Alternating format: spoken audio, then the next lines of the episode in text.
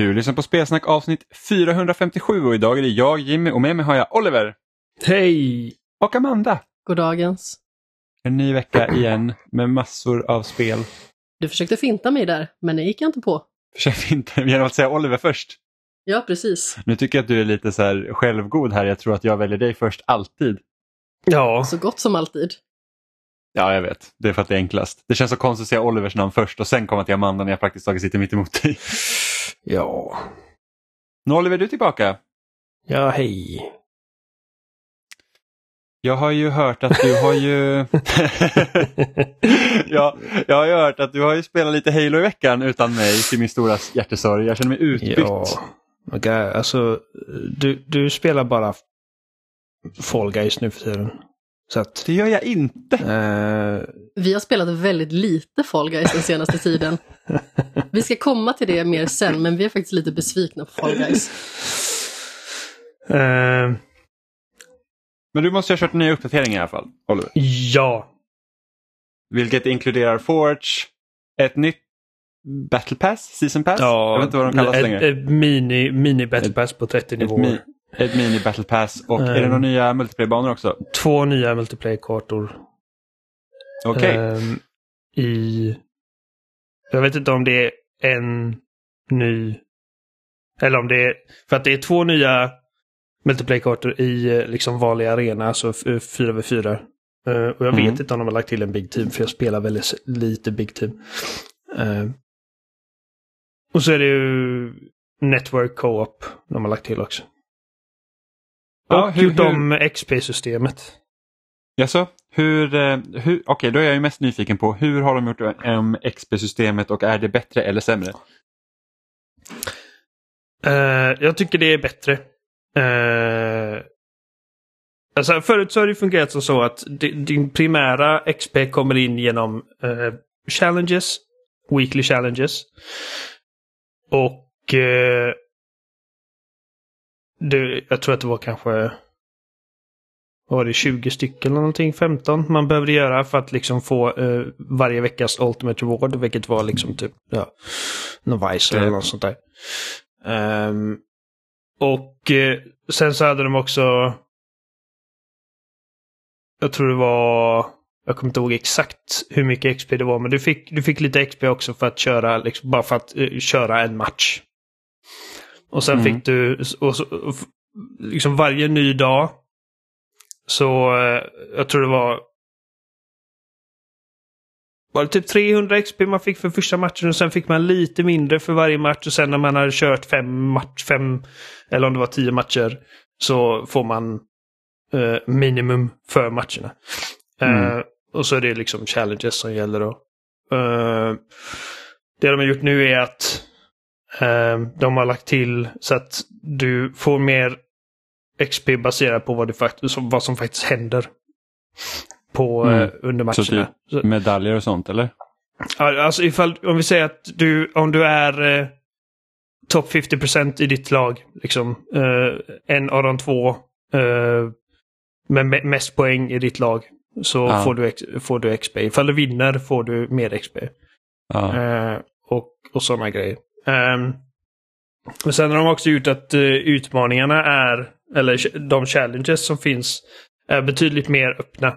Så förr kunde det vara liksom att ah, ta tio zoner i landgrab. Eller vinn tre matcher i uh, oddball eller håll. Eller, eller typ döda tre pers med uh, bollen i oddball. Nu är alla utmaningar sådana utmaningar som kan göras i vilket läge du vill.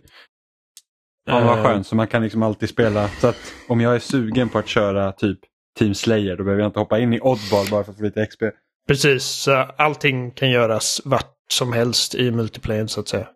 Mm. Så, så nu är det mer grejer som eh, få tre milikills eller eh, döda sju pers med battle rifle, assault rifle, pistolen eller granaten.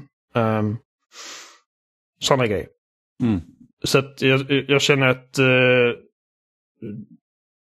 det går snabbare och jag behöver liksom inte ens nödvändigtvis sikta på att klara alla challenges. Det bara nästan händer. Ja, och Eh, får man till... naturligt. en grej liksom ofta när eh, utvecklare och sånt gör om i sina XP-system så brukar det till en början kanske se bättre ut och sen så visar det sig att ja, men, vi har dragit ner på XP så det kommer ta längre tid här. Eller hur, hur, hur känns det då? Liksom, känner du att du får tillräckligt eller känner du liksom att process... Ja, alltså... Nej, uh, jag tycker att uh, det känns som att man går upp i en rimlig takt. Liksom. Ja, men vad bra. För att det, det vet jag att det är liksom typ, ja men som Fall Guys, eh, när de ändrade till free to play så var det så att första säsongen så fick man typ nästan ingen XP alls för att köra matcher utan det var nästan bara knutet till eh, challenges. Men då fick man mm. ganska mycket från challengerna också så att det gick ganska fort att levla. För fort antagligen tyckte de för att sen till säsongen efter det så var det typ, ja men nu, nu får du mindre XP från challengen eh, men du får mer i varje match. Men utslaget på helheten så är det typ ingen skillnad. Det bara ser annorlunda ut. Mm. Eh, alltså, jag tror att eftersom att den XPn som du får um, är mer lättillgänglig. Att liksom du, du tvingas inte in i massa spellägen du inte är bekväm med och så vidare. Mm. Så, så blir det liksom ett stadigare flöde. Jag tror att mitt problem nu är att uh, jag är klar med alla liksom weekly challenges för snabbt egentligen. ah, okay. Men, men då känns det också som att okej, okay, nu har jag varit duktig, nu fick jag min week, weekly. Um, uh, Ultimate Weekly Reward. Uh, vilket ja. förut kunde vara lite av en, liksom, lite av en shore. Nu är det ja, ganska speciellt lätt. när man kommer till sista, uh, sista challengen och så är den liksom skitdryg. Ja. Um, nu, nu denna veckans sista var spela fem matcher. Ja, okej. Okay. Men, men, då undrar uh, men är det fortfarande på samma sätt att du måste klara alla challenges och sen låser du upp den sista? Precis. Okay. Jag hade ju nästan hellre haft att de hade liksom en challenge som är som du kan arbeta på under hela tiden. Så den kan vara lite svårare men du kan hela tiden hålla på med den. För att det, jag kommer ihåg att någon gång hade jag sett typ att den, den sista weekly det var typ ja, men få, få fem stack kills eller, eller någonting sånt eller döda mm. så här mm. många när du typ osynlig eller döda så här många gånger med hammaren. Och det var liksom att jag har ju gjort det här redan under tiden jag försökt ta de andra challengerna och sen så kommer man till den så ska man göra om det och det, det är lite jobbigt. Tycker jag. Jag okej ifall, ifall den sista utmaningen är liksom alltså... Ja men det är spela fem matcher, då är det ingen fara. Ja, nej precis. Um, och de har också gjort att uh, liksom veck, veckans Ultimate, för att folk var liksom Ja, jag får ett emblem, liksom emblem jag inte kommer använda. Nu är det mer faktiska, typ att du får ett visor eller om det är ja någon attachment eller, eller en uh, weapon coating eller vad det nu kan vara. Så att, mm. um, ja, och jag tycker de nya, två nya kartorna är kul också. Jag, um, jag har inte spelat dem jättemycket. Men, men tillräckligt för att ändå köra. Ja, men jag, det är nice. Jag tycker, och Forge-läget med, nu, nu jag, har inte, jag har inte varken kreativiteten eller tålamodet för att sitta och pilla i Forge. Men jag har gått in och liksom kollat lite på vad andra har gjort och det, mm. det är faktiskt ganska imponerande vad, vad den här versionen av Forge kan göra. Förut ja, så har det liksom varit att uh,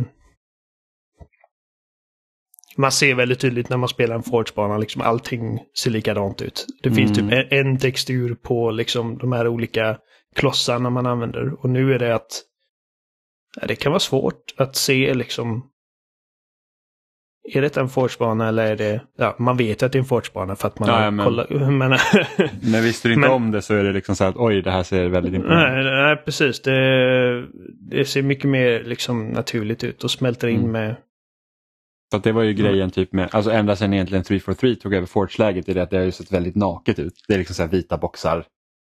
Mm. Eh, och sen så, alltså, min favorit liksom Forge är från Halo Reach, men där var ju allt det här stålgråa. Det liksom ju ja, verkligen, precis. Man blir liksom trött på att se samma utseende hela tiden. eh, så att, hur... Eh, jag tycker att de borde, eh, de borde verkligen dra nytta av eh, liksom community-skapelser och och försöka arbeta in det liksom i vanliga playlists också. Mm. Um, men ja. Men hur fungerar kampanjkoop då? För det är ju, eftersom det här spelet har lite annan struktur än mm. vad tidigare Halo varit, så det är inte liksom så lika solklart över om, om hur det fungerar. Um, i, alltså, ja, så, här- så här. Eftersom att det är liksom, alltså det är ju i princip ett open world-spel vi pratar om. Mm. Eh, och eh, du kan inte liksom, en spelare kan inte vara på ena änden av kartan medan den andra är på den andra änden av kartan. Um, men Finns det någon man, liksom max, eh, liksom Precis. maxlängd man kan vara från varandra? precis, jag, jag har inte testat exakt hur långt det är men vi har aldrig liksom, vi har aldrig svepts ihop igen. Um, jag tror att, jag tror att Joseph Staten sa någonting om att liksom den radie som vi har där, där man har fritt spelrum. Eh, och de sa liksom att de ville se till liksom att alla att spelarna kan liksom flanka olika objectives från olika håll utan att det liksom blir att man bara åh fan nu drog, drogs jag till hosten igen eller whatever. Mm. Så att de har ungefär Tänk typ radien av deras största Big Team-bana och dubbla den. Ah, okej. Så att eh, det är eh, det är ändå man kan säras ganska långt. Liksom. Jag, jag har inte haft några problem. Mm. eh, Jag undrar vad liksom liksom anledningen till att de inte lyckas få det att funka då så att man kan liksom vara på hela liksom open world-kartan fritt. Eh, om det är någon kalkylering eller hur fiender kommer spana fram. För det var ju typ en av de grejerna som var roligast i Gotham Knights när jag och Amanda körde det nu. Det var ju det att vi kunde ju faktiskt vara på hela kartan vart vi än ville. Mm. Nu kanske inte den kartan lika stor heller som Halo Infinite förvisso. Men det var ju ändå ganska skönt liksom, att det spelar ingen roll om Amanda var längst i norr och jag var längst i söder. Vi kunde ändå vara på de två skilda hållen. Nej, jag vet inte exakt. Är, är Gotham Knights också Xbox One? Eh, nej, det är det inte. Det är faktiskt sant. Det är bara på nya konsoler. Uh, alltså jag, det finns säkert en miljard anledningar. Ehm, Jo, jo, men är. Jag bara Men ehm, jag tycker att alltså nätkoden. Man märker liksom att okej, det här är. Det är inte riktigt lika. Jag skulle inte säga att det är laggigt. Men det, det har några liksom tekniska skavanker här och där som jag inte Mm. märkte när jag körde det själv. ja, okej. Ehm, som att det känns som att det laddar längre. Exempelvis. eh, när man dör. Och eh, vi har faktiskt fastnat i laddningsskärmen ett par gånger så att vi har behövt starta om spelet. Ehm. Ehm, För det är lite synd för att när 343 tog över från eh, Bungie så är liksom deras eh, nätkod för att spela co-op var mycket, mycket bättre. mm, För jag, jag kommer ihåg alltså, när jag spelade på mobilt bredband hemma i skogen liksom, så när vi körde Halo Reach eller ja, Halo Anniversary då också men det byggde ju på gammal nätkod så mm, det var ju, alltså, det var ju sån delay för mig när vi spelade så att det, det liksom, man var knappt behjälplig. Jag var som en glorifierad spar, eller spanpunkt för dig eh, när vi körde på svårare. Och i Halo Anniversary eh, då var ju till och med siktet eh, laggigt. Så att om jag liksom styrde spaken till höger så tog det kanske typ en halv sekund ibland innan siktet ens rörde sig. Eh, och det försvann i alla fall i Reach men där var det så att hoppade jag så tog det längre tid eller typ sköt jag så tog det längre tid, det var svårare. På det Mm. sättet. Eh, Alltså så, så illa är det inte. Alltså, det, det är väldigt, väldigt små skillnader liksom i nätkoden. Liksom att eh, det tar ett par millisekunder för ett headshot att registreras exempelvis. Vilket Mm, det, det, är, okej. det är inte tillräckligt för att någonsin liksom störa spelets flow. Nej, och du, Men- och du behöver inte kompensera siktet för att oj, fienden Nej. är inte där egentligen. Nej. Precis, men, men det är liksom din hjärna uppfattar liksom att okej, det, det där tog någon millisekund längre än vad det, än vad det gjorde när jag körde liksom offline eller själv. Mm. Ehm, Ja. Det var ju Men- lite som nu när jag spelade God of War Ragnarök. Eh, och jag körde ju på quality mode för att jag ville att spelet skulle se så snyggt ut som möjligt. mm, Men när fienderna börjar bli för svåra, alltså när man gör liksom de här extra grejerna. Och jag var så här att Kratos är så jävla seg. Alltså det är så att jag tycker jag inte får liksom den inputen jag vill ha när jag trycker. Så då ändrar jag till performance mode så att jag liksom kan få mer smooth. Jävla vilken skillnad. Alltså det mm, kändes jag, nästan som natt och dag. jag har bara kört per- performance mode så jag... Mm. Nej, så, så du, vet, du känner inte till det här problemet. Men det var verkligen Nej. så för att jag mötte ju då typ en av spelets svåraste bossar och det var liksom bara så att alltså jag tycker inte att Kratos reagerar tillräckligt fort när jag trycker. Så jag bara, jag måste testa att byta till performance mode och det var liksom så här, oj, nu gick det väldigt mycket lättare. Mm, Nu gick det bra. Så att, eh, där ser man liksom skillnaden då på 60 och 30 då. Mm. Liksom direkt i praktiken. Mm. Men ni har inte tagit igenom hela Halo-kampanjen eller? Nej. Ehm, jag skulle säga att vi kanske är en tredjedel halvvägs. Kör på. Legendary. Mm. Jag har inte spelat det Eh. spelet på Legendary heller. Nej. För det är inte lika lätt att spela Infinite som något annat Halo. Just på grund av den öppna världen. Nej, Det är alltså, liksom inte, det, det man, man finns hoppar mer... inte in liksom lika så här att ah, men nu ska jag bara köra några Halo-banor. Utan det är så här, ah, men det är allt det här måste- Mm, det är med. Och sen är det liksom att uh, ifall du inte har en effektiv liksom entry point för en stor bas så kan du liksom fucka dig själv lite. Mm. Eh, men, eh, men, men, men, men det är kul i övrigt. Och eh, det är kul. Man, man kan liksom mm, hookshotta liksom varandra. Så man typ slungas på varandra och det, ja, är en del roliga grejer man kan göra. Alltså att du Eh. liksom kan, vi säger, säger att eh, din partner hoppar liksom upp, hookshottar och liksom börjar få lite fart. Så hookshottar du din partner så flyger ni liksom. Kommer du iväg med en jävla fart då? Det, alltså, i teorin tror jag att det, det, det känns som att det borde vara möjligt men ehm, men det kräver ju sån jävla koordination. Alltså det, Ja, gud ja. Det är ju liksom inte något man, alltså med tanke på att man får i fart när man hookshottar. Liksom. Mm. Men, en sån, men en sån sak som att jag kan liksom hijacka en Banshee och boosta iväg och han liksom hinner hookshotta mig så han följer med mig en stund. Och, Ja. Så att, ja, nej men vi, vi har haft kul med det. Ehm, ja, men det är lite häftigt. och du och jag ska ju testa All Skulls on också någon gång. Ja, men det, det ska vi göra. Det ska vi definitivt göra. Det, Omöjligt. nej då, Eh, inte alls. Vi, vi måste ju fortfarande klara alla andra Halo-spel med Askarlsson också på. Det är omöjligt. Vi körde ju Halo 1 med Askalls, eller vad vi Ja. trodde var Askarlsson. Vi hade till och med fuskskallarna på för vi tänker det är ju Askarlsson. Ja, Eh, och jag tror vi satt på typ var, en bana tog typ 5-6 timmar. Och så fick vi ingenting för det. Men man måste typ köra playlisten tror jag. För att det ska räknas. Ja. Ifall man ska spela laser så får man inte ha de skall som faktiskt hjälper dig. Du, måste bara, du får bara ha de skall som förstör ditt liv. Ja, och jag fattar Eh. inte hur man ska klara Halo 1. Nej, jag... För det var så jävla svårt. Men vi har, med klarat, vi, vi har klarat Halo Reach. Det var en mardröm. Ehm, jag tror, hej. vi körde aldrig liksom från start till slut, men, men vi hade ju kört varje bana enskilt liksom. Ja, för, för att i Eh. Reach så kom det upp challenges. Liksom att Mm. Det kunde vara så att ja, men den här veckan ska du klara laser på den här banan. Mm. Eh, Det var hårda ju bud. svårt. Ja, det Det var det. hade de inte kommit undan med idag.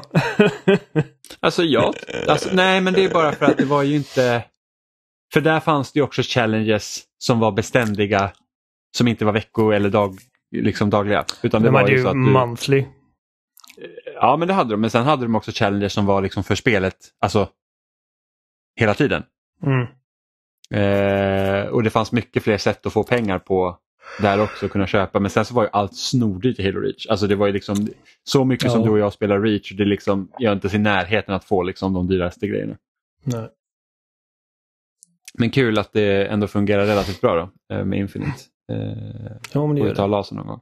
Men Amanda, du har ju spelat Fall Guys senaste säsong. Det har du också. Ja, det har jag. Jag ville bara informera dig om det ifall du hade glömt av. Ja, jag har glömt helt bort. Jag har förträngt det. Vi har också spelat med Stefan. Ja, det har vi.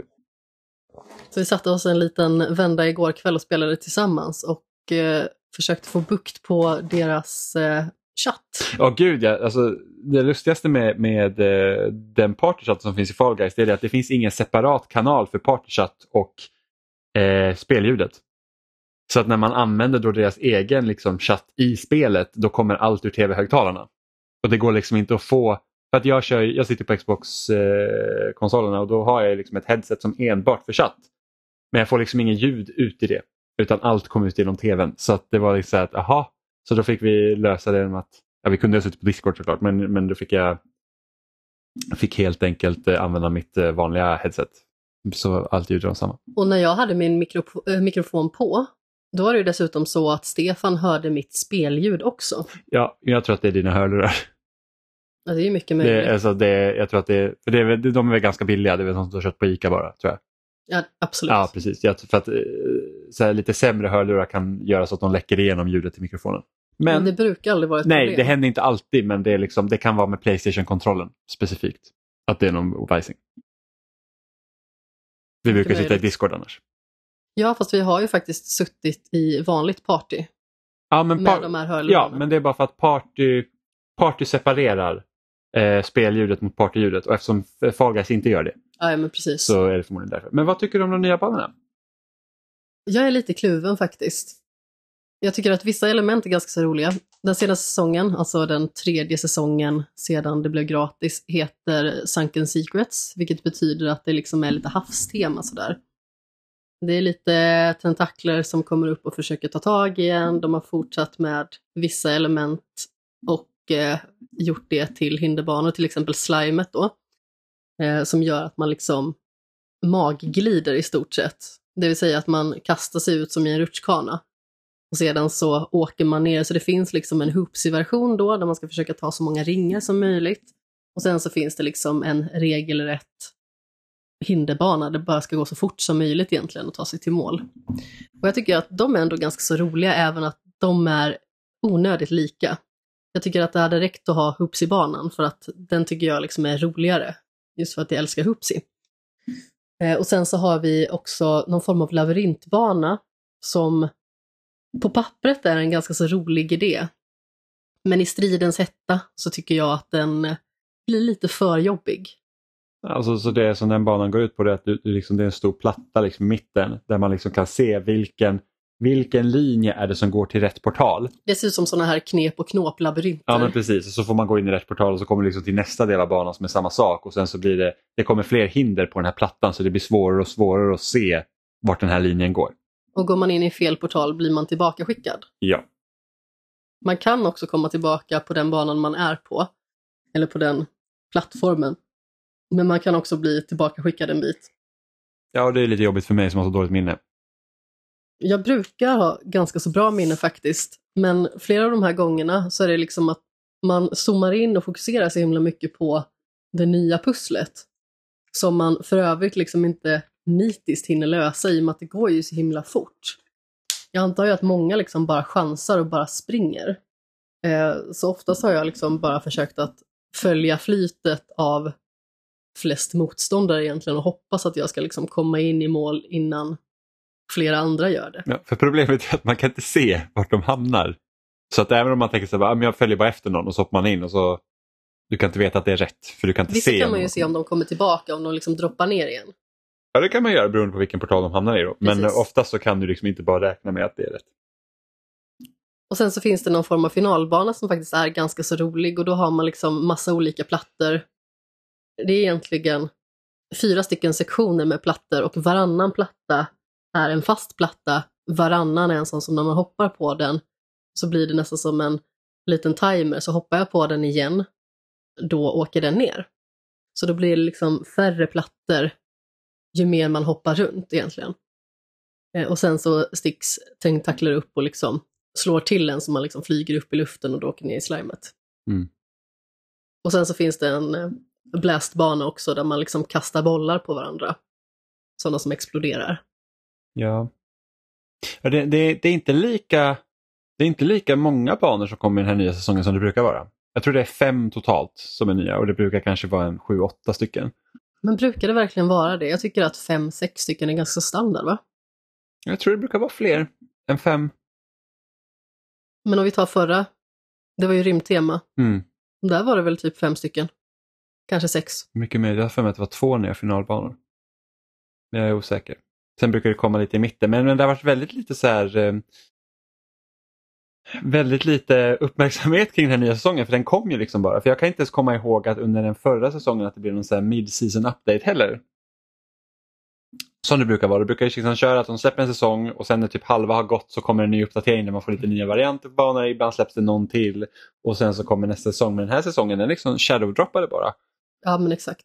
Jag vet att Stefan någon gång skrev att det var dubbelt fame. Alltså fame är ju det som man får för När att man gå upp i nivå. Mm. Medan vi har Kudos till exempel som nästan är helt oanvändbart numera. Eh, vilket är bisarrt för att jag sitter typ på 750 000 kudos. Ja, jag. Som jag liksom har samlat på mig sedan vi började spela och jag kan liksom inte använda det till någonting. Det är helt värdelöst egentligen. Mm. Jag bara sitter där med all min kosing. Ja, det värsta var ju det för att i, i, innan det blev gratis då så då när man vann så fick man ju kronor. Eller en, en krona, en, en kungakrona kan man säga. Eh, och det var en valuta som man kunde köpa lite de här mer exklusiva grejerna. Legendariska till exempel. Ja, men när, eh, när spelet blev gratis då förvandlades de kronorna man hade till kudos. Eh, medans i, sen, sen det blev gratis då så är det det som kostade kronor förut, det är en annan valuta som man köper för pengar. Eh, och du fick inte kronorna omvandlat till den valutan utan de blir till kudos och kudos kan du typ inte köpa någonting med. Alltså Amanda har så mycket kudos så skulle hon köpa allting från shoppen hela tiden då tror inte jag att du hade kunnat typ göra av det med allting.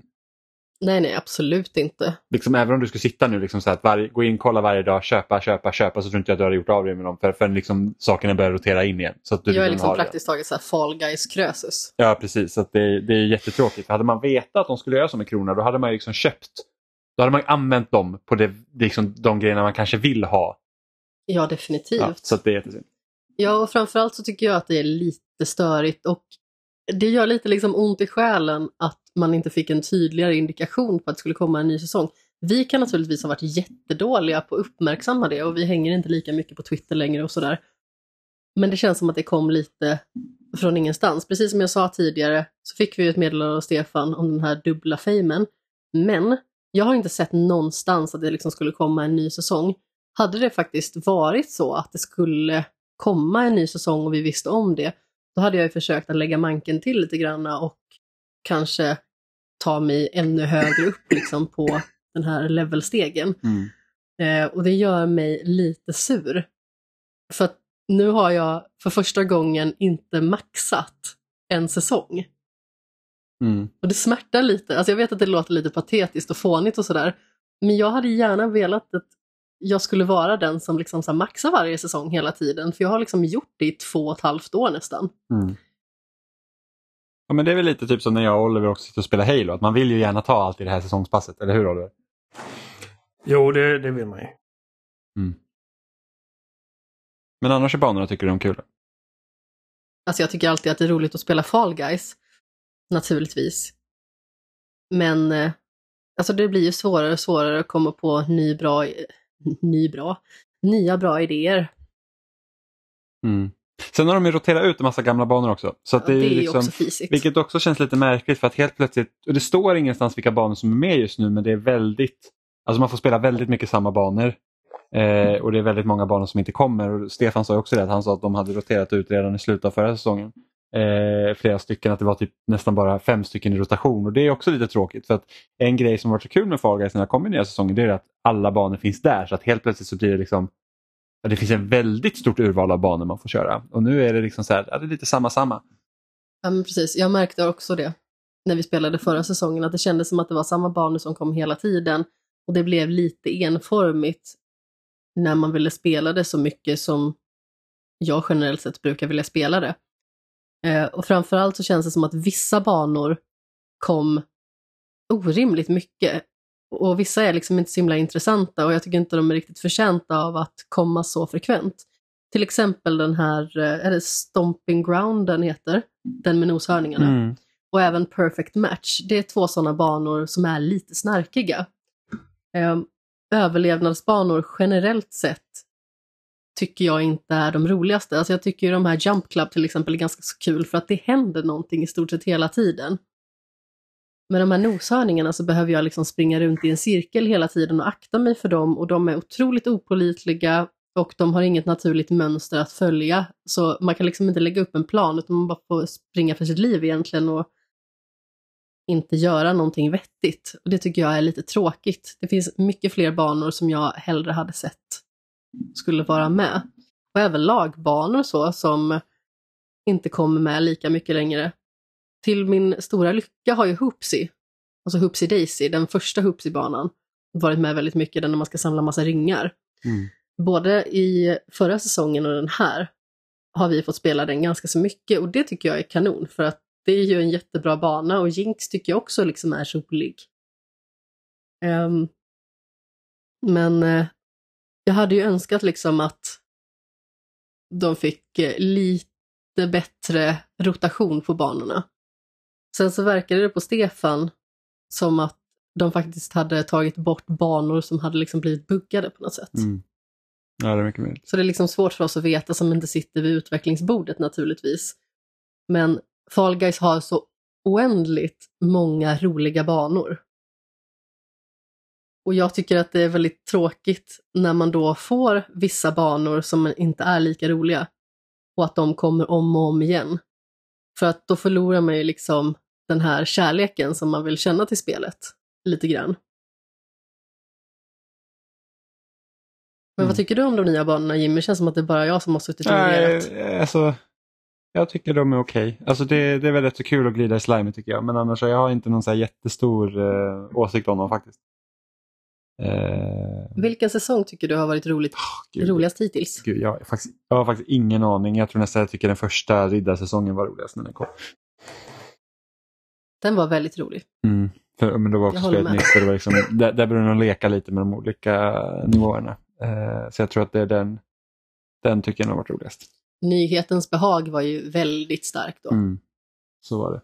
Eh, ja, både ris och ros till Fall Guys. Eh, vi har ju också faktiskt klarat ut God of War allihopa. Eh, För ungefär en vecka sedan. äntligen. Så att eh, jag tänkte bara liksom köra en, en, en, en sista check liksom i, i det här forumet för hur liksom levde det upp till förväntningarna? Liksom, vad, vad tyckte ni om helheten nu när liksom, vi- ni är klara? Oliver, hur känner du för God of War Ragnarök? Jo, men jag, jag tycker det levde upp till förväntningarna. Det var... Nej, jag- har liksom ett par skavanker, men de känns så... De känns så liksom eh, småaktiga att ens ta upp. Eh, med tanke på hur, hur jävla massivt och ambitiöst och välgjort spelet är på det stora hela. Mm. Jag... jag eh, Jag var, alltså jag var väldigt eh, liksom emotionellt tagen av spelet de sista liksom typ två, tre timmarna. Mm. Eh, att när det börjar liksom dra upp sig, eh, eller dra ihop sig och eh, insatserna är som högast. Jag liksom eh, typ bara satt liksom med konstant adrenalin. Jag satt och skakade i soffan liksom. Och eh, var väldigt eh, känslosam mot slutet. Ehm, väldigt dramatisk. Alltså, alltså den här liksom, spel som God of War Ragnarok. De kommer bara ett par gånger per konsolgeneration i princip. För att det finns liksom inte många, det finns bara ett handfull team i världen som har kompetensen och talangen för att få ett sånt här projekt att komma samman. Mm. Ehm, jag kände mig, alltså det, det, tog, det tog några dagar efter att jag hade spelat klart det som jag ens kunde, som jag ens kunde röra ett annat spel. Vilket liksom, det, det händer ganska sällan. liksom, att jag, Mm. När jag är klar med ett spel att jag bara fuck. Ingenting känns lika spännande längre. I jämförelse. Och eh, Livet före och efter God of War Ragnarök. Precis. Eh, så att, eh, ja nej, det ledde absolut upp till förväntningarna. God damn, vilket spel. Vilket spel tycker du, alltså, om man bara- vilket spel tycker du är bättre? Än nu när de spelar båda? Ettan eller tvåan? Eh, jag tycker det är svårt, ärligt talat. Alltså, jag, jag tycker att de, de... Jag tror att, eh, som sagt, på ett, på ett känslomässigt plan så tror jag att, jag, eh, att det här slog hårdare. Eh, helt enkelt för att det är så massivt och sam, väl sammansatt. Eh, och liksom, det, det, det, jag hade liksom ett, ett knippe förväntningar på hur liksom det här, den här handlingen skulle liksom utspela sig och vilka beats man skulle träffa och inget av det liksom var ens i närheten av vad jag trodde. Det, det lyckades Mm. liksom överraska mig flera gånger. Um, Medan det förra spelet också, det kändes så fräscht och spännande och nytt. Ragnarok är liksom när man kommer in i det, det är okej jag är tillbaka liksom. Mm. Eh, jag vet hur det här fungerar. Jag vet vad jag kan förvänta mig. Eh, Medan det förra spelet var liksom, det var verkligen uncharted territory för den serien. Och jag hade ingen aning om vad jag kunde förvänta mig, liksom bara rent spelmässigt. Så att, eh, jag tycker att de, de, de har, båda har sina liksom eh, bedrifter. Ehm, jag tycker det är svårt. Alltså Mm. jag, jag tycker liksom kvalitetsmässigt så är det väldigt jämnt. Mm. Men precis, jag tycker också att det är väldigt bra. Jag tror att mitt största problem med Ragnarök är att det känns verkligen som att de har försökt klämma in två spel i det. Eh, eftersom planen från början var ju att ja, men det skulle nog vara en trilogi och sen så bara, äh, men det, precis som vi har snackat om här också, liksom att det, det, ska, det ta, ska, ska teamet arbeta liksom på samma gren av den här berättelsen liksom i 15 år innan vi får en Mm. upplösning så vi, vi, liksom, vi kör på i det här spelet. Eh, och jag tycker de, överlag så lyckas de väldigt bra med det men ibland känns det lite som att de gapar lite efter lite mycket. Eh, och och liksom det gör att vissa karaktärer kanske inte får det utrymmet de hade behövt. Eh, men annars så tycker jag också att det, det är väldigt bra. Men jag tror att jag föredrar det första spelet. Eh, och ett, ett, en grej är ju mycket för att det var ju faktiskt en ny del för serien och liksom de nailade Mm. det ganska hårt. Eh, och var liksom att wow, det här är liksom inte God of War som jag sett förut. Eh, men sen gillar jag ju verkligen det här med att när spelet väl var slut i ettan så kändes det verkligen som att man hade Alltså man har liksom åstadkommit det man satt ut sig för att göra från början. Liksom. Du vet det här med att ja, men vi ska sprida eh, min döda frus och eh, Atreus mammas liksom aska på den plats hon har velat ha. Liksom. Och det Mm. man så här att när, när man väl har gjort det då är det liksom så här, ah, liksom, jag känner mig verkligen, jag känner att jag har tagit del av den här resan och jag känner liksom att jag är, jag är liksom klar. Jag Mm. tycker inte att Ragnarök landar lika bra.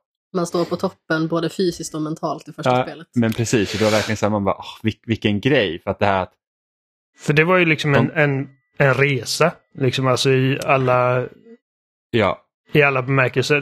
Ragnarok är inte lika mycket av att okej, vi har typ en startpunkt och sen har vi ett slutmål. Där är det mycket mer diffust liksom för att de, de karaktärerna vet ju inte ens i början liksom exakt vad det är de ska göra eller vad de... Nej men precis.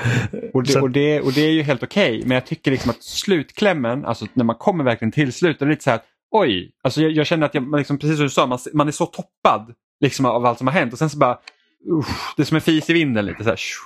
Så är det bara så här, oj, okej, det, det var slut nu liksom. Eh, men det, det är väl egentligen gan- alltså, det är lite nitpick av mig där. Men jag tyckte verkligen ettan landade så bra. Och jag tycker Ragnarok kommer inte riktigt upp i samma höjd. Även om det är väldigt bra.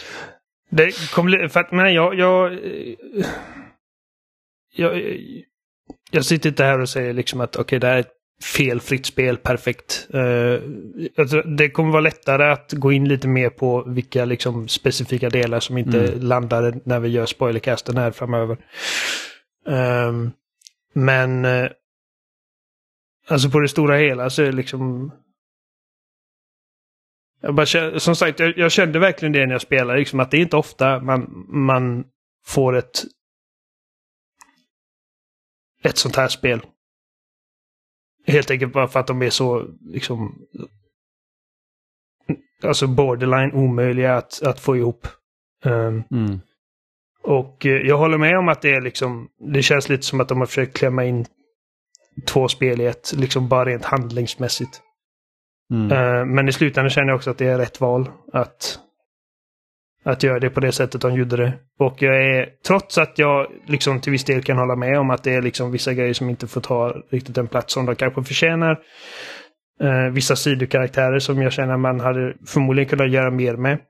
Um, men de viktigaste karaktärerna känner jag ändå får sin upplösning och eh, och den tid som krävs. Och eh, trots att det är liksom Ragnarok, vilket är liksom den här mytologins motsvarighet till jordens undergång. Och att allting är så massivt och insatserna är så enorma. Så lyckas de ändå göra liksom ett spel som har gott om de här liksom mer sombra ehm, intima ögonblicken. Vilket var en Ja, grej som jag vet att vi liksom var lite oroliga för när vi var klara med förra spelet. Liksom att okej, nästa spel kommer förmodligen trappa upp allting så jävla massivt att, det liksom, att man kommer gå miste av den här liksom, eh, mer intima eh, berättelsen som ligger bakom allting. Och jag känner att det lyckas de jävligt bra med. Um, ja, det finns så himla många bra scener mellan Atreus och Kratos. Och Kratos liksom och andra karaktärer också. Absolut, men jag tycker verkligen um, att de, de, har nailat relationen mellan Kratos och Atreus som de liksom tar vidare från det första spelet. Och där liksom så att eh, Absolut. De scenerna jag tyckte var gripan, mest gripande kom ju liksom därifrån. Ja. Um, Hur känner du Amanda? Ja, alltså jag ska ju naturligtvis inte spoila berättelsen för det är ju vad vi har våran spoilercast till. Men om man är väldigt känslig för typ indikatorer, spola fram typ en, två minuter. Jag tycker i slutändan att berättelsen kanske är lite säker. Det finns ju ett specifikt tillfälle i spelet när någonting händer och berättelsen vänder. Och sedan blir det lite granna som att det inte spelar någon roll och sopas lite under mattan. Och det tycker jag är lite synd. För att sedan blir det liksom inte fullt så starkt igen, tycker jag. Jag tycker på det stora hela att berättelsen är naturligtvis fin och det finns väldigt många fina ögonblick mellan väldigt många olika karaktärer och just det här karaktärsbiblioteket är ju någonting som verkligen är till spelets favör. Just liksom att alla karaktärer känns som att de har liksom en tydlig bakgrundsberättelse redan vid ritbordet. Vilket gör att karaktärerna liksom inte bara känns som endimensionella karaktärer utan de känns som personer. Som har känslor, som har åsikter. Och det är det jag uppskattar väldigt mycket med spelet, liksom hur allting är sammanvävt och liksom vilken kärlek man ändå har gett till det liksom på ett, eh, ska man säga, ett berättelseplan. För att på, på just den biten så är det ändå väldigt starkt. Men som sagt, jag tyckte att det var kanske lite säkert, om man ska vara helt ärlig. Sedan så kände jag ju naturligtvis att jag var klar, när jag var klar att wow, eh, det känns som att jag verkligen har gjort någonting stort. Um, jag tycker att det är lite svårt att mäta det med förra spelet, precis som du sa Oliver. Jag vet mm. inte riktigt uh, hur jag står mellan de två än riktigt heller. Men nej, uh, nej, när det har landat menar... lite till så kanske man får se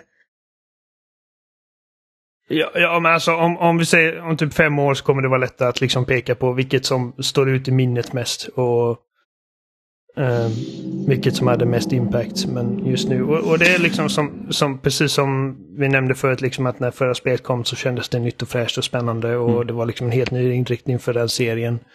Uh, men det här spelet det, gör också Det är det som gör det svårt. Liksom just det här med att första spelet var en sån vändning att det blev så bara oj! Precis. Kan God of War uh, vara så här? Men, eh, men sen har vi också liksom det, typ, det vanligaste klagomålet med folk med första spelet var liksom bristen på fiendevariation och eh, återanvändande av liksom minibossar och grejer. Och det har de ju typ eh, verkligen eh, gjort någonting åt det här spelet. Det, det, känns som att de slänger liksom en ny ascool miniboss på det var, varje timme. Och eh, det Alltså, det, det, ja, nej. Jag, jag, tycker, jag finner det svårt att liksom rättvist sammanfatta. Det är som liksom eh, kulminationen av alla departement inom liksom spelmakande. Som arbetar på liksom optimal capacity. Liksom, alltså det är typ en helt makalös eh, ett makalöst resultat av liksom fantastisk liksom fantastiska artists, tekniker, designers, skådespelare, författare, eh, arkitekter, konstnärer. Liksom, alltså, om man bara, om man bara liksom tar liksom lite tid och eh, verkligen eh, ska man säga, pay attention, tittar ordentligt på bara liksom på dina omgivningar. Liksom i ett random hus eller liksom i som i Sindris hus eller eh, i eh, men vad som helst. Liksom. Att man, så mycket detaljarbete som har gått in av liksom, eh, studions konstnärer. Med liksom inristningar i bara dörrar och liksom hur mycket eh, uppsåt man finner i de min, liksom, minsta detaljer. Um, och det är den lyxen man kan ha liksom när man är liksom en av världens mest um,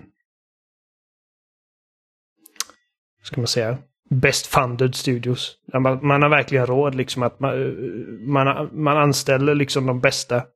Och man har tiden och liksom resurserna för att verkligen gå liksom supernördigt in i varenda liten detalj. Och... Eh, nej, det... Mm. Jag är grymt imponerad helt enkelt. Det, ja, vilket spel. Mm.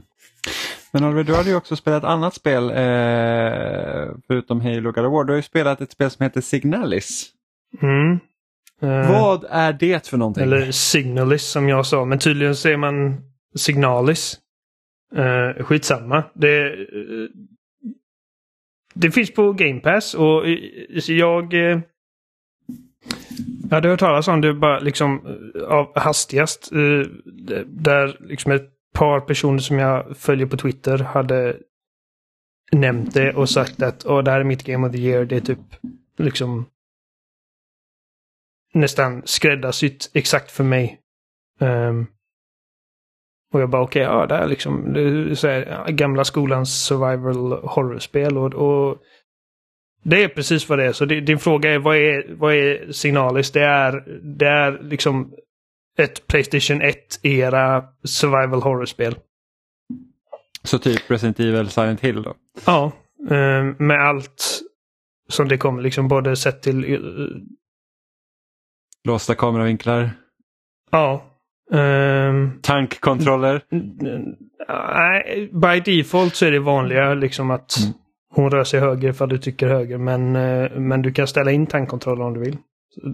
Du kan ställa in så här CRT-filter om du vill. Så att det är verkligen så här att de vet vilken typ av nostalgisk upplevelse de vill återskapa. Det, ja, nej, det, det, är inte svårt att se liksom var inspirationen kommer ifrån. Um, till skillnad från typ Resident Evil som har lite mer dynamiska låsta kameravinklar. Liksom att okej, okay, du, du har liksom alltid typ den mest eh, specifika eh, vinkeln av eh, utrymmet du befinner dig i. Så här är liksom, kameran är alltid liksom isometrisk. Att eh, du har liksom inga coola särskilda kameravinklar för specifika rum utan det, det är alltid liksom snett överifrån. Vilket gör att kontrollen fungerar också för att eh, alltså anledningen till att man har tank controls är för att när man byter kameravinkel så, så liksom förändras ju relationen till vilket, vilken riktning du trycker med kontrollen. Vilket det, det mm. händer inte här för att höger är alltid höger och upp är alltid upp. Um, jag har inte riktigt fått grepp om storyn så jag, jag, jag skulle vilja berätta liksom typ sån här elevator pitch om vad storyn handlar om men Alltså så vitt jag vet så är man någon form av eh, Android som vaknar upp på ett trasigt rymdskepp som du liksom måste... Ska man säga? Ta någon Laga, escape från. Ja, eh, förfly därifrån. Mm. Och så landar man på en planet eller en måne eller liksom eller någonting. Det, det, är lite diffust. Uh, och, jag, och jag är ärligt talat inte varit jätteuppmärksam faktiskt. Uh, det, jag tycker att liksom spelet i sig är kul nog. Um, och det är också ganska mysti mystiskt liksom. Det, det, det, börjar inte med... Tänkte du säga mysteriskt Oliver? Vad sa du? Tänkte du säga mysteriskt? Mysteriskt, ja det kanske jag... Ja, för det brukar jag alltid säga om Amanda retar mig för det, för jag säger att det är mysteriskt. Mysterious och så ja, översätter man det snabbt i huvudet. Um, men, det, men det, liksom, det finns ingen, du får inte mycket av en backstory när du börjar och det, det är liksom inte mycket dialog och det är inte mycket, alltså det mesta av berättelsen eh, får du genom alltså, konstiga drömsekvenser men också liksom när du typ hittar eh, papper och grejer omkring i omgivningarna. Eh, men som sagt spelmässigt så är det ett eh, old school survival horror-spel. Det är inte läskigt, ärligt talat. Det, jag tror till och med att Amanda hade klarat det utan att eh, skita knäck. Um, utan det är liksom, det är survival horror liksom på ett mekaniskt sätt. Att det, ja, det är dåligt med ammo, du har väldigt begränsat med um, inventory space och uh, du hittar grejer som du liksom behöver kombinera och sen lista ut vart de hör hemma. Eh, det är ganska kul pussel med olika ciphers och grejer du måste lösa för att få typ en kod som du behöver för att öppna den här grejen som sen ger dig en nyckel som du sen ska använda här och ja. Um, så det är den mm. typen av spel. Och det är, jag har rätt kul med det. Just nu är jag på spelets första boss så jag, jag vet inte riktigt vad jag håller på med. Men... Ja, okej. Okay. Jag hoppas, eh, jag hoppas hinna klara detta innan The Callisto Protocol kommer. Mm, och det är på fredag. Mm.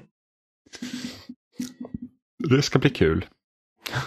Har du eh, lyssnat på den här... Eh, jag skulle precis säga det.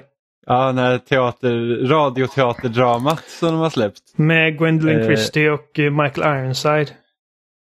Precis. Eh, ja, det har Så jag har hört de fem första. Jag tror att det kommer ett till. Ett, mm. ett sjätte nu på releaseveckan. Eh, jag, hur, långa hur långa avsnitt är det? Ungefär 20 minuter. Ja, okej. Okay. Är det bra då? Det är helt okej. Okay. Alltså, eh, alltså mm, de är välproducerade. Talangen liksom, liksom podcastseriens liksom performance är duktiga. Som Gwendolyn Christie är bra givetvis. Michael Ironside är bra givetvis. Um, och jag tycker att det, det, är en jävligt kul, ska man säga, ungefär som en liten snabb backstory bara för att ge dig ett hum om världen du kommer få lära känna mer när spelet kommer. man, man, får lite kontext.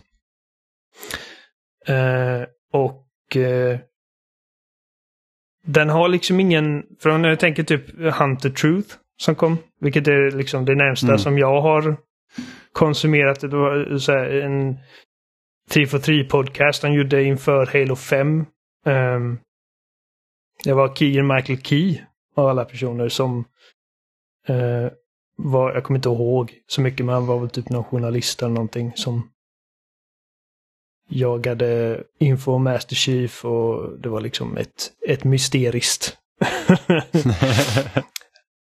uh, men här så är det liksom, det finns ingen berättarröst eller någonting utan uh, saker och ting händer och man får själv liksom det är som att man, man, uh, man visualiserar vad som händer i, i huvudet själv.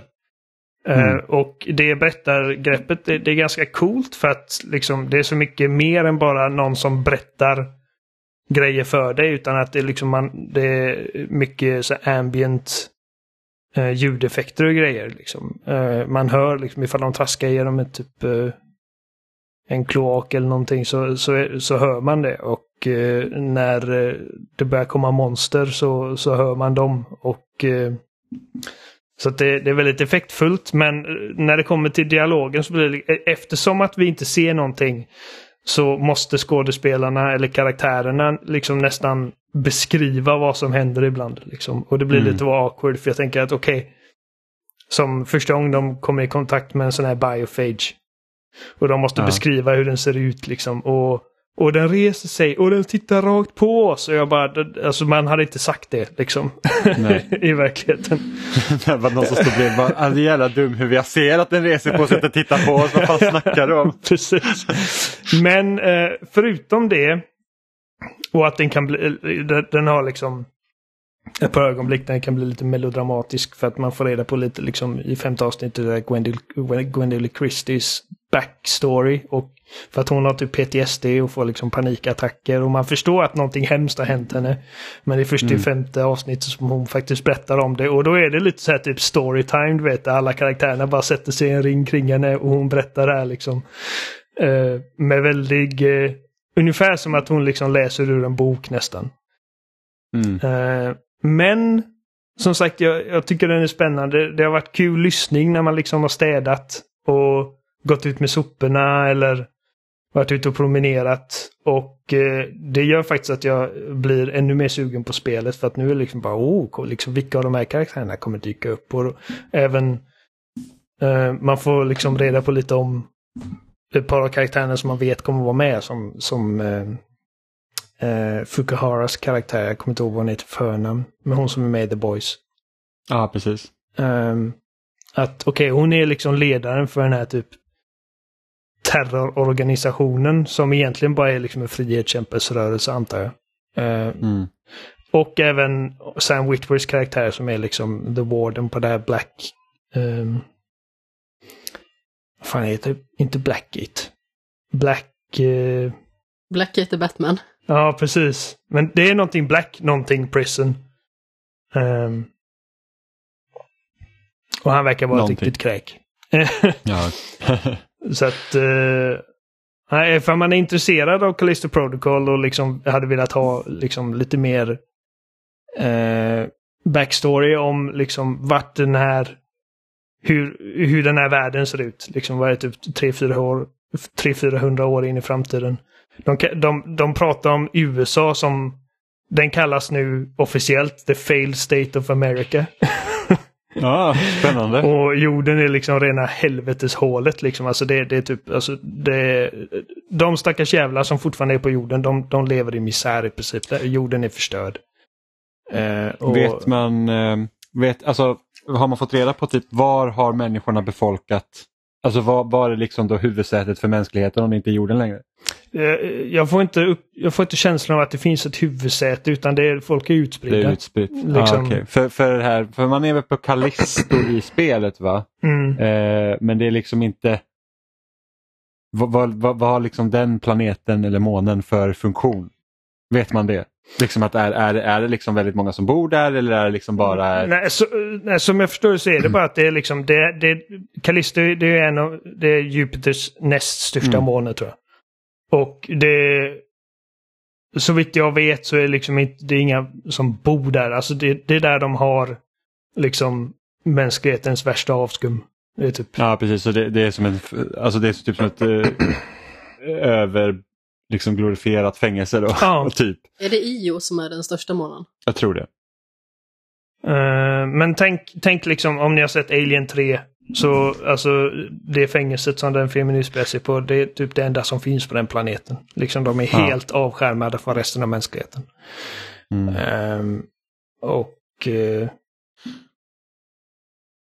och det är liksom, ja, jorden är bad news liksom. Det, det mm. Ingen vill vara där ifall man inte kan, ifall man har alternativ. Ja, vad spännande. Får se, se om det här, jag antar att det här spelet ändå kommer bli relativt framgångsrikt. Eh, får man se då om de, hur de broderar ut den serien om det blir en serie. Mm, ja, alltså marknadsföringen har ju varit eh, bra liksom. De har, de har haft mycket material nu det sista. Eh, och mm. folk pratar om det. Så att jag tror att eh, det lär inte floppa liksom. Jag tror att deras eh, första spel som Striking Distance kommer, det, det, mm. det, kommer sätta dem på kartan.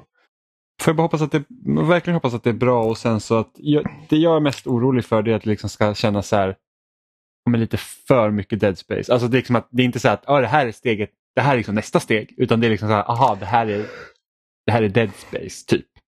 Det, det är ju det är liksom det, ska man säga, mest troliga av katastrofscenarion. Eller ja, inte katastrofscenario, men liksom... Katastrof. Jo, men alltså, det, är liksom så här, Precis, men det, det är ju mer troligt än att spelet skulle ja. vara liksom piss. Uh, att det bara känns lite för familjärt.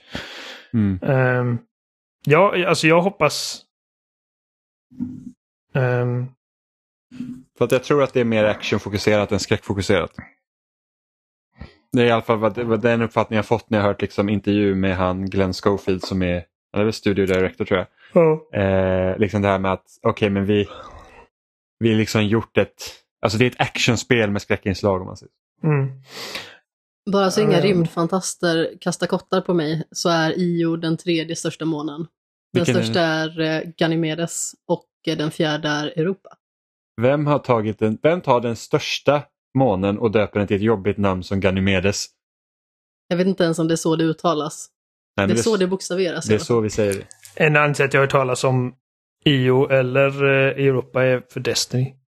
Eh, Okej, Europa Nej. visste jag om och IO visste jag om. Jag har säkert hört Ganymedes någon gång också. Men i alla fall, ja, ja. Ka- Callisto Men det- låter coolast av dem. ja, det gör det. Men ja, det, ju, Ehm, det ska bli kul att spela det faktiskt. Jag har ett halsband med Callisto på. Men, men jag, tror, jag, jag funderade lite på eh, liksom, alltså det här med Dead Space och grejer. Och det är en sak som jag hoppas att... Jag hoppas att eh, Callisto inte har liksom en motsvarighet till Plasma Cudden. Liksom att det första vapnet du får är typ det enda du behöver genom hela spelet. Jag tror inte det. Det är inte den Eh, uppfattningen jag har fått i alla fall. Nej, inte jag heller. Men det är liksom... För att när, när jag verkligen har liksom tänkt tillbaka på Dead Space det senaste och... Det är lite som det, är lite som det här liksom Halo-problemet, liksom att Magnumen är så mycket bättre än typ allt annat. Och... Eh, eller ja, alltså... Är inte den bästa jämförelsen för att eh, Halo har så mycket liksom bra eh, utility-vapen också. Men i Dead Space, så de, de ger det verkligen liksom det enda vapnet du behöver direkt. Och allt annat känns, det, det finns inget vapen i hela resten av det spelet som, som är liksom eh, bättre i någon annan situation. Eh, och många av dem är liksom bara, "Ja, men jag kommer inte använda detta ens. Typ som den här rippern som håller ut en sågklinga i luften och inte gör ett skit. Eh, eldkastan och eh, force gun, contact gun och alla de här grejerna. Liksom att man, man försökte göra typ, okej, det här, vi kan inte bara slänga in liksom en regelrätt shotgun för att grejen är liksom att vi, Isaac är en in engineer och vi behöver göra att vapnen är liksom typ olika sorters engineering tools. Uh, så att i Callistos, alltså jag tar hellre fyra distinkta vapen som faktiskt fyller olika funktioner än typ åtta liksom där jag bara kommer använda en av dem. Mm. Eh, och sen hoppas jag inte att det finns en knapp som säger exakt vart man ska hela tiden också. Mm. Ja, men kul. Det, det ska bli jättespännande att spela tycker jag. Mm. Eh, jag har just fortsatt med eh, Pokémon i veckan. Eh, vi spelade väldigt lite förra veckan när vi pratade om det så jag har försökt ta mig längre in i det och eh, Ja, alltså jag gillar väl den inriktningen de egentligen tar med spelet så att liksom till skillnad från typ Arcus som vi spelade i våras eller i vintras var ju det att där var ju världen väldigt begränsad till de här olika områdena så att du hade ju liksom inte det var ju inte en helt sammansatt värld och sen så fanns det liksom inga städer ute liksom i de olika områdena utan du hade ju liksom din lilla by som liksom fungerar som spelets nav och sen så därifrån gick du ut till resterande delarna. Här har du ju allting sitter liksom i ett så att du Ja, men du traskar över kullar och berg och, och stigar och sånt och sen så kommer du liksom till en stad och då går du bara in i den och så är den där precis som i vilket liksom, open world-spel som helst egentligen. Eh, vilket liksom känns rätt så spännande egentligen när det kommer till ett Pokémon. Liksom det är så att jag behöver inte ladda för att gå in i stan utan liksom så här, oj, här var det bara liksom hus. Eh, så den friheten gillar jag. Och sen just det att alla Pokémon syns ju. Så att när du liksom går över fält då är det liksom så här, men här är typ en, en, liksom en flock med fåglar. Eh, eller här är liksom eh, ah, eh, Pikachu eller någonting sånt. Så det gör ju liksom att redan på förhand så att där ser du en Pokémon som du inte har fångat tidigare eller där ser du en ny Pokémon som du har sett förut. Så bara oj, vad är det där för någonting? Gud vad kul. Eh, så det gillar jag också jättemycket. Sen så är det liksom i Arceus så hade de ju typ att liksom striderna fungerar helt annorlunda för att du, du slogs ju inte primärt utan du kunde liksom fånga Pokémon genom att bara kasta bollar på dem direkt. Liksom. Och sen så hade du otur så kunde du liksom typ bli omringad och du kan behöva fly därifrån. Så händer ju liksom inte riktigt här utan det är så att du går in i en Pokémon, sen så hamnar du liksom på en match. Eh, Det blir ju som en typ arenastrid liksom, och sen så får man ju köra då din Pokémon slår och den andra Pokémon slår och sen så får du så. Men det, och jag var ju liksom rädd att, så här, att ah, kommer det kännas som ett steg tillbaka? Men jag, jag, jag tycker ändå det funkar väldigt bra här. Att, liksom att man tar det här liksom, äldre systemet som man har haft sen serien start egentligen och så bara lägger man in det i en ny kontext liksom, så att det liksom fungerar mer och mer smidigt. Det, det tycker jag fungerar. Eh, så jag har egentligen ingenting emot eh, det. Men sen så är det att jag tror största problemet just nu är att världen är rätt så tråkig. Alltså jag tycker inte att den, den liksom öppna kartan är liksom så superintressant att utforska. Eh, för det är man pratar om, ah, men liksom du, du kan gå liksom hit och hit och hit och så, så liksom hittar du någonting nytt. Vi liksom uppmanar dig till att utforska för att det är liksom varenda karaktär säger det till dig. Du bara, men du kan gå vart du vill. Du behöver inte följa den här liksom eh, utstakade vägen utan gå, gå hit eller dit eller ja, gör vad fan. Eh, och jag är bara så här, okej okay, men om jag springer upp till den här toppen av berget, vad kommer jag hitta där? Jo, jag kanske hittar liksom en pokéboll med en TM i, liksom, som, precis som det var i 2D-spelen. Och liksom bara så här, okej, okay, jag brukar inte liksom hålla på så mycket med de här technical machines och sånt och lära mina Pokémon nya moves. Utan man plockar upp dem och så har man dem och sen så det är det typ. Eh, så att det är så att det är inte jättespännande att göra det. Liksom att jämför till exempel med ett spel som Breath of the Wild där det var så att okej, men jag kan hitta ett nytt vapen, vilket jag behöver för att vapen går sönder så fort. Eller jag kan hitta en skattkista som gör att jag blir starkare. Eller jag kan typ hitta en shrine eller vad som helst så att liksom jag får ett pussel eller någonting sånt. Medan här är det bara så att ah, du går upp till berget, du får en pokéboll och sen det är det. Så det är liksom inte heller speciellt givande att utforska på det sättet. Alltså visst, man kanske kan hitta liksom en Pokémon som man inte har sett tidigare. Men vad jag vet så finns det inte så här någonting uttalat att på den här bergstoppen så spanar bara den här Pokémon. Utan liksom de, de kan ju liksom finnas ja, men, lite var som helst i det område de spanar. Då. Så att det liksom blir ju inte så här att jag har behövt göra den här jättelånga typ vandringen upp hit för att just hitta den här specifika Pokémonen. Än. Jag har bara spelat åtta timmar så att jag vet inte om det händer senare men, men så här i inledandet. Eh, och då blir det så här att då tycker jag liksom att, att om, man, om man jämför då kartan med 2D-spelen till exempel, eh, då är ju de mycket mycket, mer spännande även om de är så pass mer begränsade. För där är det verkligen så att går du genom en, liksom en Route eh, 13 eller whatever, då är det så att här har du liksom stigen som går. Du kan inte gå så mycket runt omkring det. Men liksom med tanke på hur de liksom satt ut, om det var vatten eller om det var en skog eller om det var liksom typ stora gräsfält så var det ändå så ganska visuell skillnad. I det här spelet, om du liksom då ska komma till en skog, då kanske typ på sin höjd typ tre träd på ett stort öppet fält. Men i de gamla spelen så är det också liksom en mycket mer kompakt struktur och mycket bättre planerat. Ja, ja absolut. Just det är för det att som du liksom, är grejen. Ja, för att du är ju inte så fri. Här ska du liksom egentligen kunna ta dig mycket lättare runt omkring överallt. Men det är så att var är skogen? Liksom det, det, det blir så att världen blir ganska tråkig och, och platt. För att liksom det, det, jag egentligen skulle kunna jämföra det mest med det är liksom så att hur kändes det när man gick ut i Ocarina of Time första gången till exempel? Alltså typ, det kan ju varit en av de första gångerna man spelar liksom ett spel som egentligen var open world. Man bara shit, alltså det här stället är så levande. Och så spelar man Ocarina of Time idag och man bara säga okej, okay, så jävla levande är inte den här världen. Men liksom 97, 98, då var det liksom the shit. Men nu är det liksom 2022 och man kommer hit och man säger ja, ah, här är skogen. Liksom. Vad kul att här är en buske och en sten. Ja men lite så och det, och det, är liksom, det tycker jag är det mest tråkiga. Och sen så, alltså, som sagt det sa vi förra veckan också, spelet kör som skit. Det är liksom så här, typ, det är delay när man går in i matcher. Man säger bara, hakade spelet sig? Eller tar det bara lite längre tid att ladda? Eh, jag hade en, en så här, när man går till gym och sånt så måste man göra en gym challenge innan man kan liksom möta själva ledaren och det kan vara lite olika aktiviteter. Så igår så skulle jag liksom leta efter tio stycken eh, Sunfloras som är en Pokémon. Man ska liksom bara hitta dem. Och sen så går man till dem och så trycker man på dem och sen så följer de efter dig tills du har hittat liksom resten. Och det är bara att spelet klarar liksom inte av att köra deras animationer i full bildhastighet eh, som din karaktär, så de hackar ju fram. Precis som du vet när man kör så här Mass Effect 3 och kollar lite längre bort och man ser att det är en så karaktär som hackar fram eller, eller ja, men i vilket spel som helst när man liksom ser att när du tittar på horisonten och ser en liksom karaktär så ser det ut som den rycker fram. För att liksom spelet sparar resurser så att den inte ska behöva liksom rendera upp det för att det är inte i din närhet. Här gör det så när faktiskt karaktären står precis bredvid dig och det är bara så här. Äh, det är så det är tekniskt undermåligt. Liksom, om man jämför till exempel Xenoblade Chronicles 3 som släpptes i somras som också är ett spel med en stor öppen värld och sätter man de här bredvid varandra, det är som natt och dag. Alltså man skulle inte ens kunna tro att det här hör liksom till samma maskin. Eh, eller att Pokémon ens skulle liksom vara den här stora serien som är liksom det är ett av de största varumärken i hela världen. Eh, så att det är också jättesynd och det har ju liksom sett olika spekuleringar om varför det beror på. Jo, för att Game Freak måste släppa typ ett Pokémon varje år så de har liksom inte, det finns inte tid till att liksom sitta och optimera ordentligt. Liksom I år har de ju släppt alltså detta spelet och sen släppte de Arceus i Arceus, jag tror jag satt där olika nu varje gång.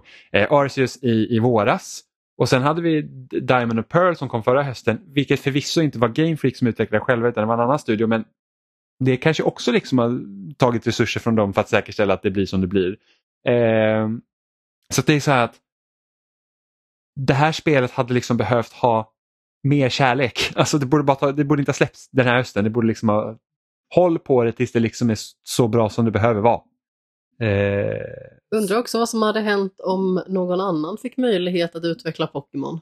alltså jag hade gärna sett att Monolith Soft hade fått göra ett Pokémon. Alltså de som utvecklar Xenoblade. Precis. För att de liksom har, de har liksom de här stora världarna.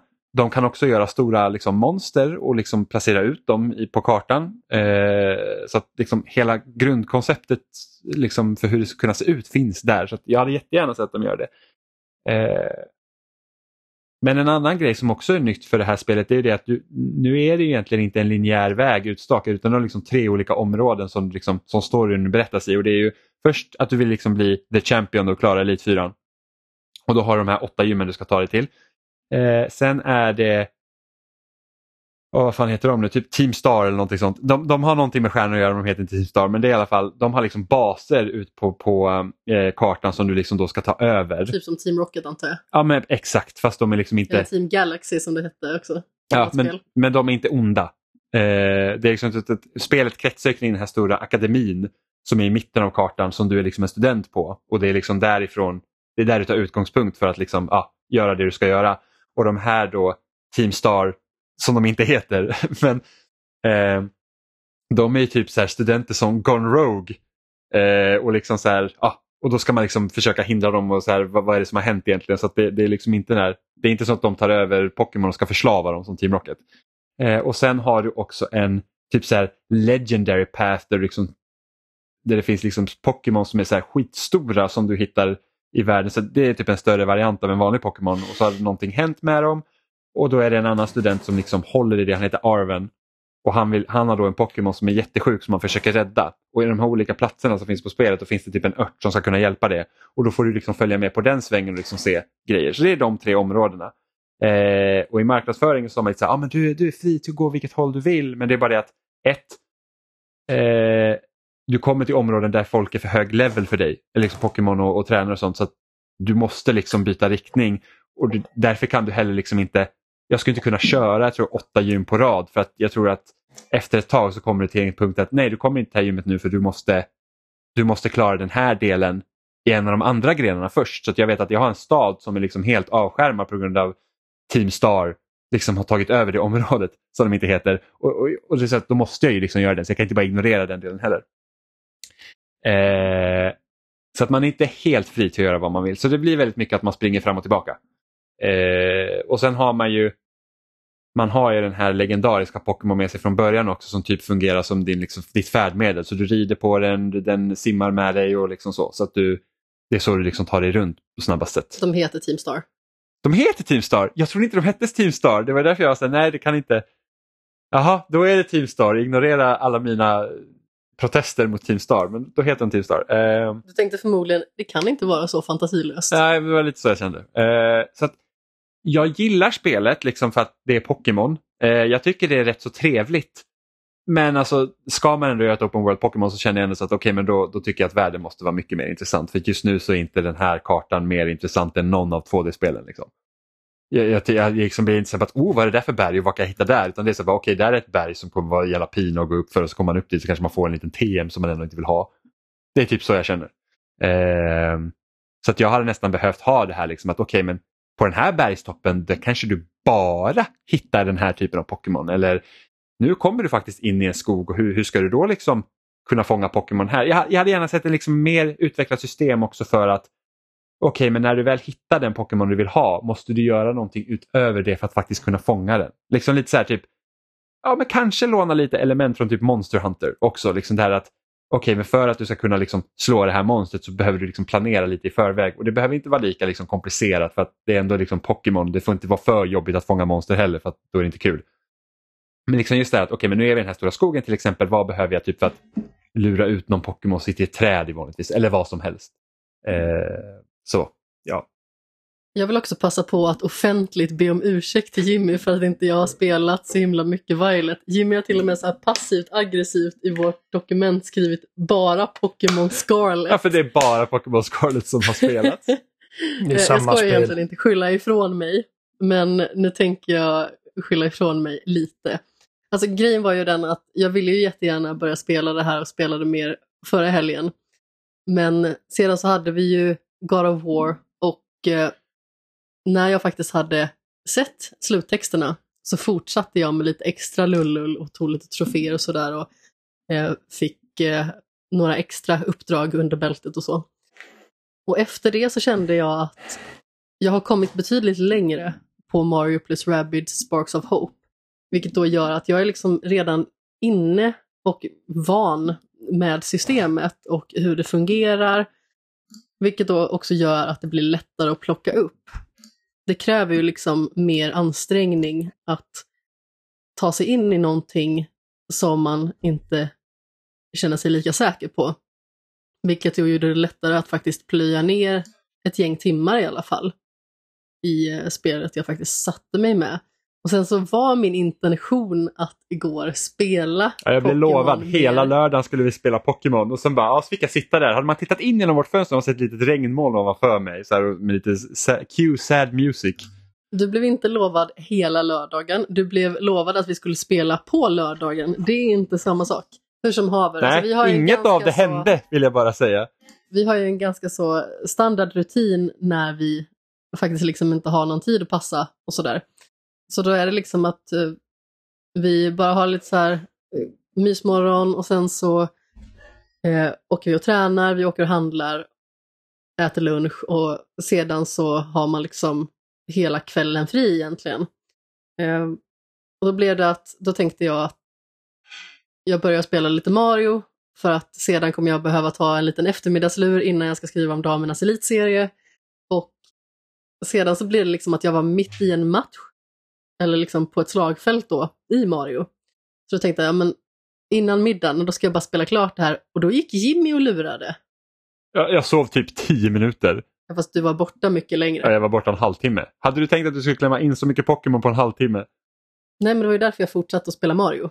Och då tänkte jag att när vi har ätit, då kommer ju klockan vara ungefär halv tio kanske, för att vi skulle se På spåret. Och därefter så skulle vi spela med Stefan. Vi kom igång mycket senare än beräknat. Och så tänkte jag att jag skulle spela Pokémon efter vi hade spelat med Stefan. Men när vi var klara med Stefan så var klockan typ halv ett, 21 kanske. Så det blev liksom inget Pokémon. Summa summarum, Jimmy fick spela Pokémon själv. Så hela lördagen blev typ så här, om jag kanske hinner en timme till Pokémon till att det blev inget Pokémon. Jag har väl ändå redeemat mig själv lite grann idag i och med att jag bäddat rent. Och jag har tvättat och varit ute med Jag har valpen. bakat bullar. Det har du också gjort. Jag var också med och bakade bullar. Det var det faktiskt. De blev väldigt goda faktiskt. Ja. Ja, Jimmy men i alla fall. bakade dubbelsats som vanligt. Ja, ja, men det finns inget Eh, annat. Och ängsliga lilla jag fick för mig att jag skulle göra kanelsnurror. Eh, Så jag eh, provade på det och eh, till min stora lycka så blev de faktiskt inte jättefula. Nej. Jättebra. Heja mig! Ja, verkligen. Eh, Jag tycker det ser ut att suga röv. Jag vill bara inflika. Bullarna eller Pokémon? Pokémon. Bullarna Ja. blir säkert kanon. jag vet inte om jag kommer klara det här Pokémon. Så säger jag egentligen om alla Pokémon-spel. Jag om gör jag- du faktiskt varje Ja, gång. jag vet. Jag vet inte om jag kommer klara det här för att det finns mycket annat jag vill spela också. Men det är så att om det inte börjar bli så att spelet liksom verkligen tar tag i en och liksom om, om, om den strukturen jag sett hittills i den öppna världen inte ändras då är det liksom så här att okej men varför gick vi till open... Alltså egentligen, gå tillbaks till att göra de här jävla 2D-spelen egentligen för de var bättre. Jag, jag bara tycker att de var, var det fungerade mycket bättre. Pokémon blå för evigt.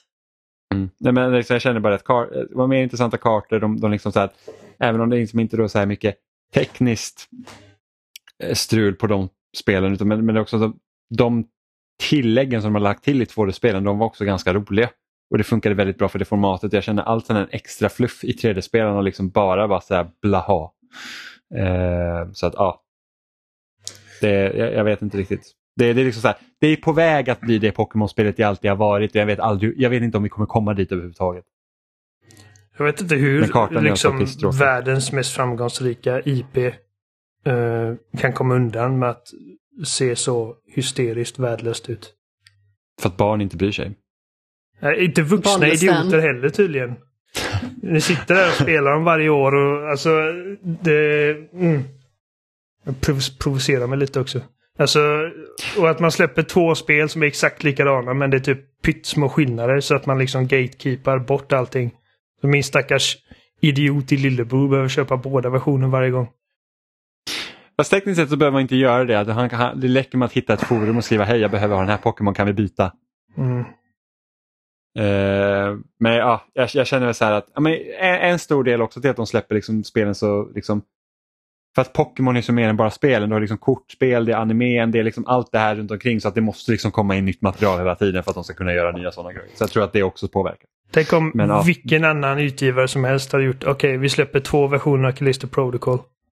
Och det är ett pyttelitet sidouppdrag som skiljer sig. Eller två versioner av Men God sen är det också så att det har ju varit deras grej ända sedan 90-talet. Ja, jag vet. Så jag antar liksom att man känner att det är standard ja. för den spelserien. Man tänker inte på det för att det har alltid varit så. Ja, men det i alla fall, det, jag tycker att världen är tråkig. Det, det, och det är synd. Och Jimmy tycker också att jag är tråkig.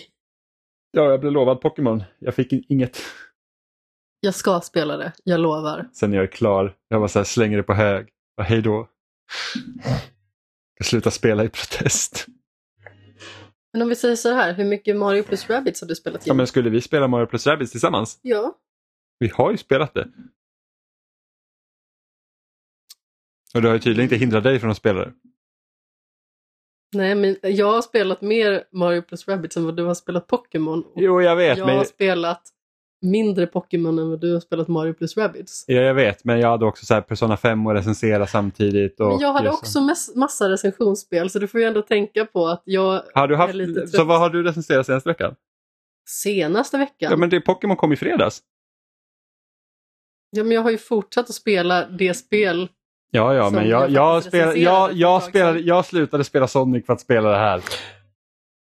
Och Sonic som du tyckte så mycket om. Åh gud, Ja, jag orkar inte lyssna på er två.